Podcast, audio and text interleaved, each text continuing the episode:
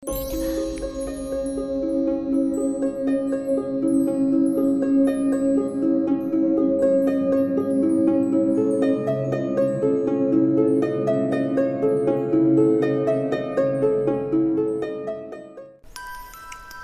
malam dan selamat datang. Saya Denny, narator dari Rumah Horor Indonesia dan juga cerita tengah malam. Seperti biasa menyambut kalian untuk mendengarkan sebuah cerita horor di malam hari ini. Dan untuk malam hari ini, saya akan membacakan suatu penampakan hantu anak kecil yang ada di dekat Universitas Pajajaran Bandung. Hantu anak kecil di dekat Unpad. Banyak sekolah tinggi berkualitas di kota Bandung. Salah satunya adalah Universitas Pajajaran atau yang disingkat UNPAD, yang mana selalu melahirkan orang yang sukses di bidangnya. Reputasi UNPAD memang sudah tidak diragukan lagi dan sudah terkenal hingga ke berbagai daerah di Indonesia. Itulah yang membuat alumni sekolah menengah atas berbondong-bondong ingin menempuh pendidikan di UNPAD. Namun perlu digarisbawahi pula bahwa kita sebagai manusia hidup berdampingan dengan makhluk yang berasal dari dimensi lain, di mana setiap tempat pasti menyimpan sisi mistis di dalamnya, termasuk juga lokasi di sekitar Universitas Pajajaran. Kisah ini akan menceritakan pengakuan seorang alumni Unpad yang pernah mengalami kejadian ganjil beberapa tahun yang lalu. Dan kisah ini akan saya ceritakan dengan sudut pandang orang pertama.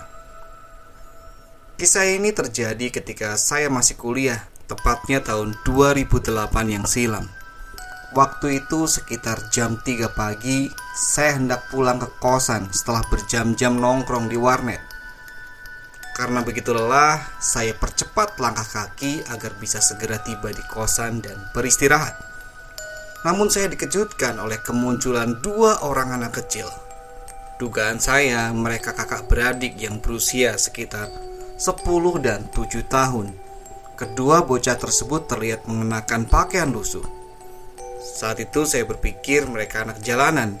Namun timbul pertanyaan juga, kenapa dini hari begini sudah berjalan-jalan menyusuri jalanan sepi?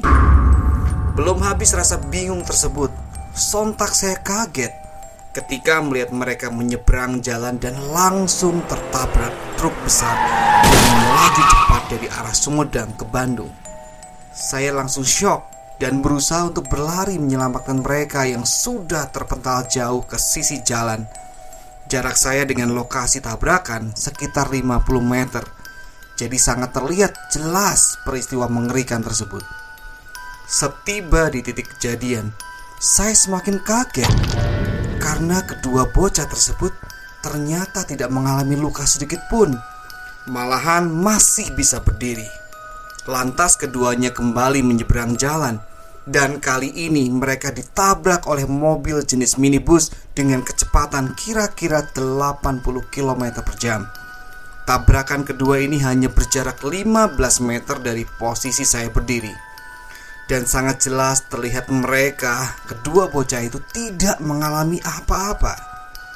Kemudian mereka menyeberang kembali dan ditabrak oleh mobil untuk ketiga kalinya.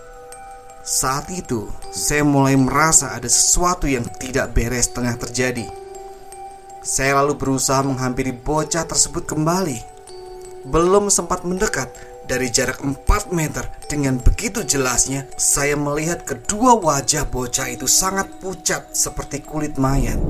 Dan yang paling menyeramkan, kedua mata mereka hitam semua, tidak ada putihnya sama sekali. Mereka melotot ke arah saya dan bertanya, Kakak melihat kami ya? Secara berulang-ulang dengan nada yang semakin tinggi. Lantas mereka mundur ke tengah jalan dan tertabrak mobil kembali. Setelah itu keduanya langsung lenyap menghilang. Sadar yang saya temui bukan manusia, saya lantas berlari sekuat tenaga. Setibanya di kosan, perasaan sudah cukup tenang. Saat itu saya juga khawatir kalau-kalau arwah bocah tersebut mengikuti saya sampai kosan. Namun untungnya hal itu tidak terjadi. Oke teman-teman semuanya Itulah cerita horor kita untuk malam hari ini. Terima kasih sudah mendengarkan sampai akhir. Sampai ketemu di cerita horor berikutnya. Selamat malam Selamat beristirahat